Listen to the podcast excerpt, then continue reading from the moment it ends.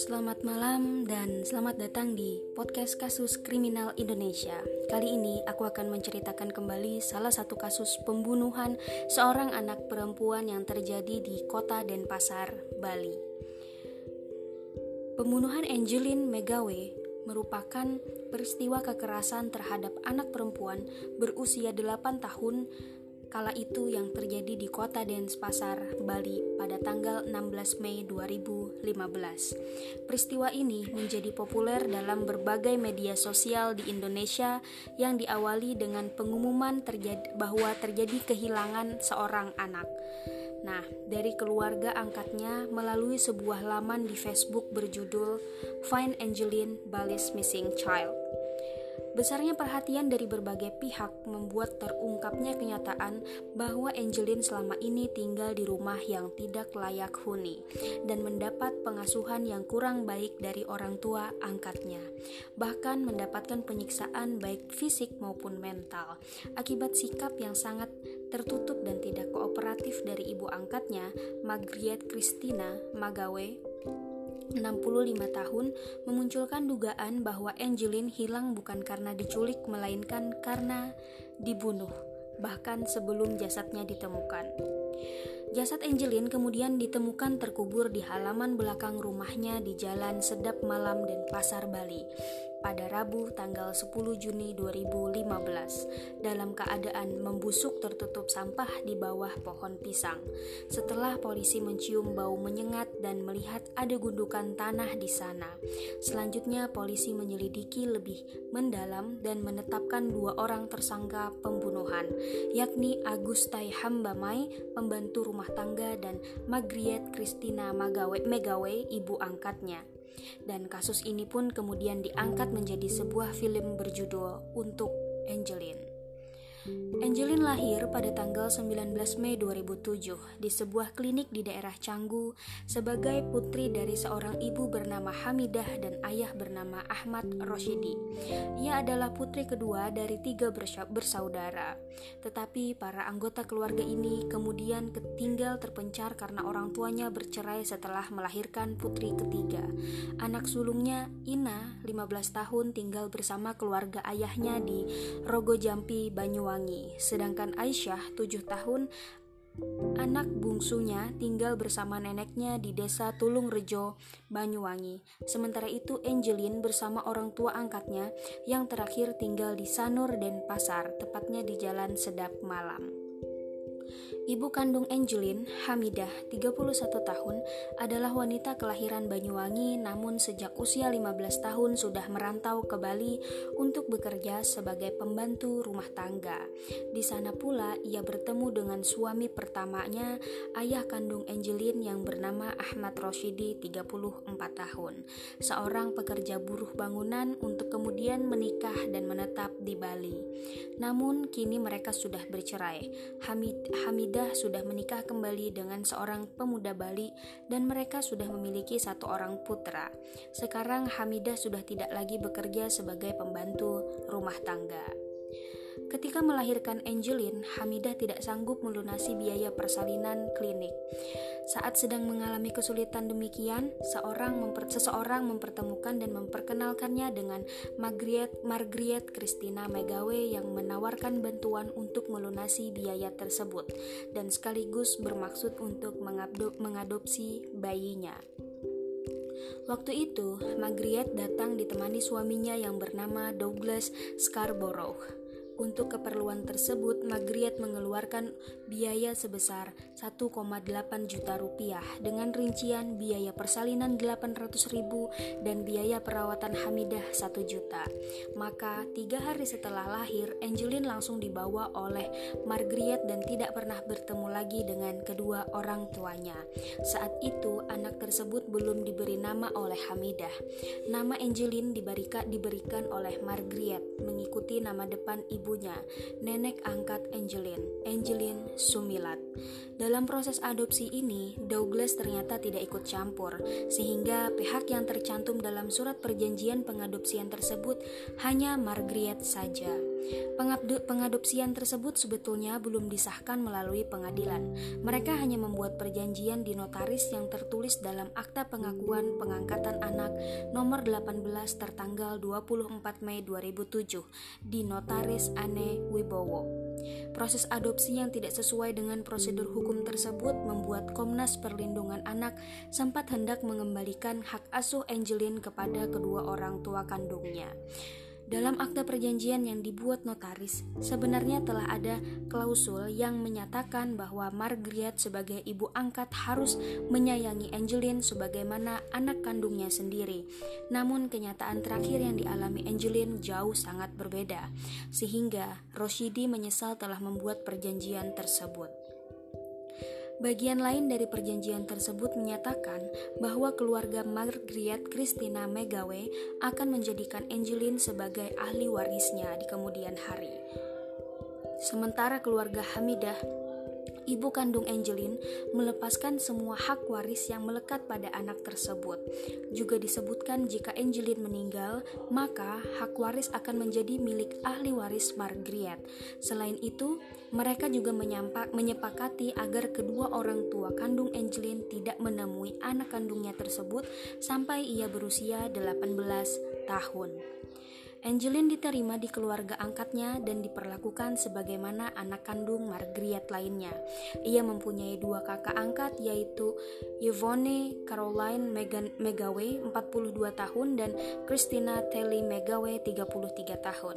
Angeline tumbuh sebagai anak yang ceria dan selalu berkomunikasi menggunakan bahasa Inggris dengan Margaret. Keluarga ini sempat berpindah-pindah tempat tinggal, di antaranya ke Pekanbaru, Bekasi, dan Bali. Ayah angkat Angeline, Douglas, dikabarkan sangat menyayangi anak angkatnya tersebut. Namun kemudian Douglas meninggal pada tanggal 17 September 2008. Margaret pun tampak terpukul dengan kematian suami keduanya tersebut.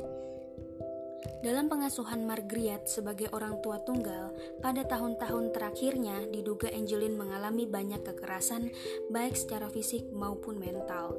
Diketahui bahwa ibu angkatnya tersebut menjadi seorang yang sangat temperamental. Dari foto-foto yang ada dan kesaksian dari guru sekolahnya, tampak bahwa pada tahun terakhir kehidupannya ia mengalami penurunan berat badan. Angeline juga tinggal di rumah yang tidak layak untuk dihuni karena dikelilingi oleh kandang ayam dan berbau tidak sedap walaupun mereka adalah keluarga yang secara ekonomi sangat berkecukupan. Setiap hari, Angeline diberi tugas untuk mencuci baju, mengepel lantai, membersihkan rumah, serta memberi makan binatang-binatang peliharaan ibu angkatnya berupa ayam, anjing, dan kucing. Bila ia lupa melakukannya, maka ia pasti mendapatkan perlakuan kasar dari ibu. Padahal jumlah ayam yang dimiliki ibu angkatnya tersebut mencapai puluhan ekor. Akibat tugas tersebut, ia sering datang ke sekolah dalam keadaan baju yang lusuh serta badan dan rambut yang bau. Bahkan pernah ia dilaporkan oleh teman-teman sekelas kepada guru kelasnya di kelas 2B, Putu Sri Wijayanti karena baunya tersebut. Ternyata saat itu di rambut Angelin banyak gumpalan kotoran ayam, sehingga ia harus dimandikan dan dikeramasi rambutnya oleh Wijayanti. Di sekolahnya, SD 12 Sanur dan Pasar, khususnya setelah menginjak kelas 2, Angelin terlihat sebagai anak yang memiliki sifat pendiam, pemurung, lusuh, berwajah sendu, dan sering terlambat. Di sekolah, dia bersekolah pukul 12 Wita dan pulang pukul 17 Wita. Ia harus mempersiapkan bekal sekolahnya sendiri dan pergi ke sekolah dengan berjalan kaki sejauh 2 km bila melalui jalan raya atau 1 km melalui pematang sawah. Rutinitas pekerjaan yang tidak sewajarnya bagi seorang anak ini mengakibatkan Angeline tampak selalu kelelahan, tidak sehat, dan terganggu perkembangannya. Namun, Angeline bersifat tertutup dan tidak mau bercerita tentang penderitaan yang ia alami kepada gurunya. Hanya setelah didesak, akhirnya ia mau mengatakan kepada gurunya bahwa ia sering pusing di sekolah karena belum makan. Mengenai hal ini, Margaret membela diri bahwa Angeline memang tidak suka makan dan cuma suka minum susu saja. Padahal ketika diberi makan di sekolah oleh gurunya, ternyata Angeline bisa sampai menghabiskan dua piring makanan yang disediakan. Mengetahui keadaan yang dialami Angelin, kepala sekolah Iketutruta sampai berniat untuk mengadopsi anak tersebut. Ia meminta wali kelas Angelin untuk menyampaikan niatnya kepada Margaret. Namun Margaret melarangnya dengan alasan Angelin mempunyai tanggung jawab berupa berbagai tugas dan kewajiban yang harus dilakukannya di rumah. Walaupun Margaret dan adalah seorang yang temperamental, tetapi ia membantah sangkaan bahwa ia sebagai ibu angkat yang tidak mengasuh Angeline dengan baik, apalagi sampai melakukan kekerasan. Ia menyatakan bahwa ia menyayangi Angeline dan anak itu pun menyayangi dia. Ia memberi berbagai tugas kepada Angeline semata hanya untuk mendidiknya agar mandiri. Ia mengaku tidak mau dipisahkan dengan Angeline sehingga ketika mendengar bahwa Komnas Perlindungan Anak akan mengambil hak asuh anaknya, ia berang dan menyatakan akan membunuh siapa pun yang akan mengambil anak itu dari sisinya. Kasih sayang Margaret kepada Angeline juga diungkapkan oleh mantan tetangganya di Pekanbaru. Saat mereka berkunjung ke Pekanbaru, ia melihat hubungan Margaret dengan anak angkatnya itu selayaknya hubungan ibu dengan anak kandungnya. Pengacara Margaret Hotma, Hotma Sitompul juga menyatakan bahwa salah satu bukti Margaret menyayangi anak angkatnya itu adalah pemberian nama ibu kandung Margaret kepada anak tersebut. Kasus yang menimpa Angelin pertama kali mengemuka dengan beredarnya kabar tentang hilangnya anak tersebut. Kabar tersebut tersebar luas antara lain akibat dibuatnya sebuah halaman di jejaring sosial Facebook berjudul Find Angeline, Belly's Missing Child. Laman tersebut dibuat oleh salah satu kakak Angeline, kakak angkat Angeline yang sedang kuliah di Amerika Serikat, yakni Christine pada tanggal 16 Mei 2015 sekitar jam 5 sore Wita. Sementara Yvonne membuat selebaran mengenai hilangnya Angeline. Keesokan harinya, berbagai media massa turut memberitakan kehilangan tersebut. Berdasarkan informasi dari Yvonne, dikabarkan bahwa adiknya hilang saat mereka bermain di depan rumah sekitar pukul 15 Wita. Setelah tidak juga ditemukan sampai pukul 18, kemudian Yvonne melaporkannya ke polisi. Tim pencari anak hilang dari kepolisian lantas mencarinya dari Denpasar sampai ke Banyuwangi tempat lahir orang tua kandungnya. Berbagai upaya dilakukan oleh polisi seperti mengamati CCTV di sekitar lokasi, menganalisis telepon seluler orang tua kandung dan orang tua angkatnya, serta menggunakan anjing pelacak. Namun, anjing tersebut tidak menemukan jejak Angelin dan hanya berputar-putar di sekitar rumah saja. Keluarga Angelin yang berasal dari luar Bali pun berdatangan ke kediaman Angelin untuk membantu mencari anak tersebut. Kasus kehilangan anak ini juga menarik perhatian Komisi Nasional Perlindungan Anak Indonesia atau KPAI, sehingga ketuanya Aris Merdeka Sirait beserta dua anggota timnya datang ke Bali untuk melakukan dialog dengan Polresta Denpasar dan Polda Bali. Mereka juga kemudian berkunjung dan menemui Margriet di rumahnya. Saat itu, Margriet memperkenankan mereka untuk melihat kamar dan ruang dal ruangan dalam rumah. Dari hasil kunjungan itu, itu, Aris berkesimpulan bahwa selama ini Angeline tinggal di rumah yang kondisinya sangat buruk dan tidak layak huni dengan halaman yang dipenuhi dengan kandang ayam berjumlah sekitar 100 ayam sehingga akan membuat anak tidak bisa berkembang dengan baik. KPAI juga menyatakan maksudnya akan mengambil alih sementara hak asuh Margaret atas Angeline sehingga membuat Margaret menangis histeris. Dia mengaku tidak terima, bahkan mengancam akan membunuh siapa siapa pun yang akan mengambil anaknya itu karena dia sangat menyayangi Angeline dan Angeline pun menyayangi dirinya. Selain oleh KPAI, rumah Margaret juga didatangi oleh dua menteri kabinet kerja yaitu Menteri Pendayagunaan Aparatur Negara dan Reformasi Birokrasi Yudi Krisnandi dan Menteri Pemberdayaan Perempuan dan Perlindungan Anak Yohana Yem Yembise. Namun Margaret menolak menemui keduanya dan kedua menteri itu tidak diperbolehkan memasuki rumahnya. Hilangnya Angelin juga dibantu penangan, penanganannya oleh Pusat Pelayanan Terpadu Pemberdayaan Perempuan dan Anak atau P2 TP2A Kota Denpasar yang merupakan perpanjangan tangan pemerintah Kota Denpasar yang menangani perempuan dan anak hilang. Mereka sudah memiliki kekhawatiran bahwa hilangnya Angelin bukan karena diculik atau melarikan diri tapi justru dibunuh. Hal ini dinyatakan oleh pendamping hukum P2TP2A Siti Sapurah tanpa mencurigai siapa pun termasuk ibu angkatnya.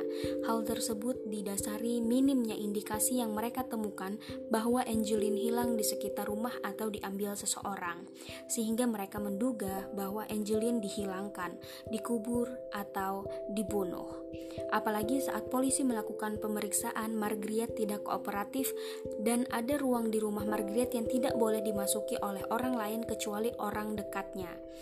Ditambah lagi karena mantan pembantu Margaret yaitu Agus Taiham Bamai pernah mengatakan bahwa suatu hari sebelum satu hari sebelum dilaporkan hilang, hidung Angelin berdarah karena dipukul ibunya.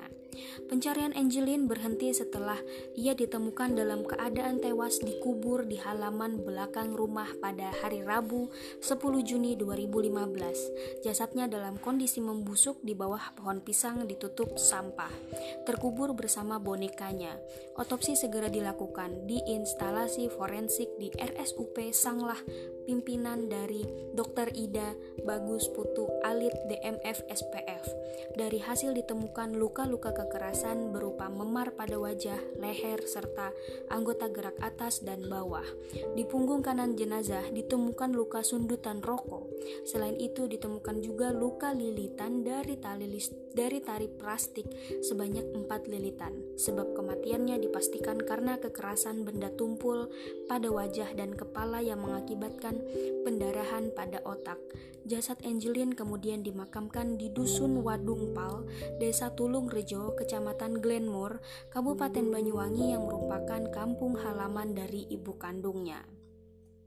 Setelah ditemukannya jasad Angelin pada tanggal 10 Juni 2015, Kepolisian Resor Kota Denpasar segera mengadakan pemeriksaan terhadap tujuh orang, yaitu Margriet ibu angkat, Yvonne dan Christina kakak angkat, Agustai pembantu, dua penghuni indekos rumah suami istri Rahmat Handono dan Susiana dan petugas keamanan Satpam Dewa Ketutraka yang disewa khusus oleh Margaret untuk menjaga rumah itu setelah ramainya pemberitaan terkait Angelin. Dari hasil pemeriksaan awal tersebut, polisi menetapkan Agus Taiham Bamai sebagai tersangka pembunuh Angelin yang mengaku telah membunuh dan memerkosa Angelin pada tanggal 16 Mei 2015 sekitar pukul 13 Wita, tepat pada hari hilangnya anak tersebut dan kemudian menguburkan jasadnya di belakang rumah majikannya itu pada pukul 20 Wita. Pada tanggal tanggal 14 Juni 2015, Kepolisian Daerah Bali menetapkan ibu angkat Angelin, Margriet Megawe sebagai tersangka dalam kasus dugaan penelantaran anak dan menempatkannya di tahanan Mapolda Bali. Pada tanggal 28 Mei 28 Juni 2015, Margriet ditetapkan sebagai tersangka dalam kasus pembunuhan berdasarkan tiga alat bukti, yaitu pengakuan Agus, bukti-bukti kedokteran forensik RS Sanglah, dan hasil olah tempat kejadian perkara atau TKP oleh tim forensik Polresta Denpasar, Inavis, Indonesia Automatic Fingerprint Identification System Polda Bali dengan bantuan Inavis Mabes Polri. Dari bukti-bukti tersebut, Margaret diduga menjadi otak pembunuhan dan Agus hanya membantu menguburkan jasad Angelin.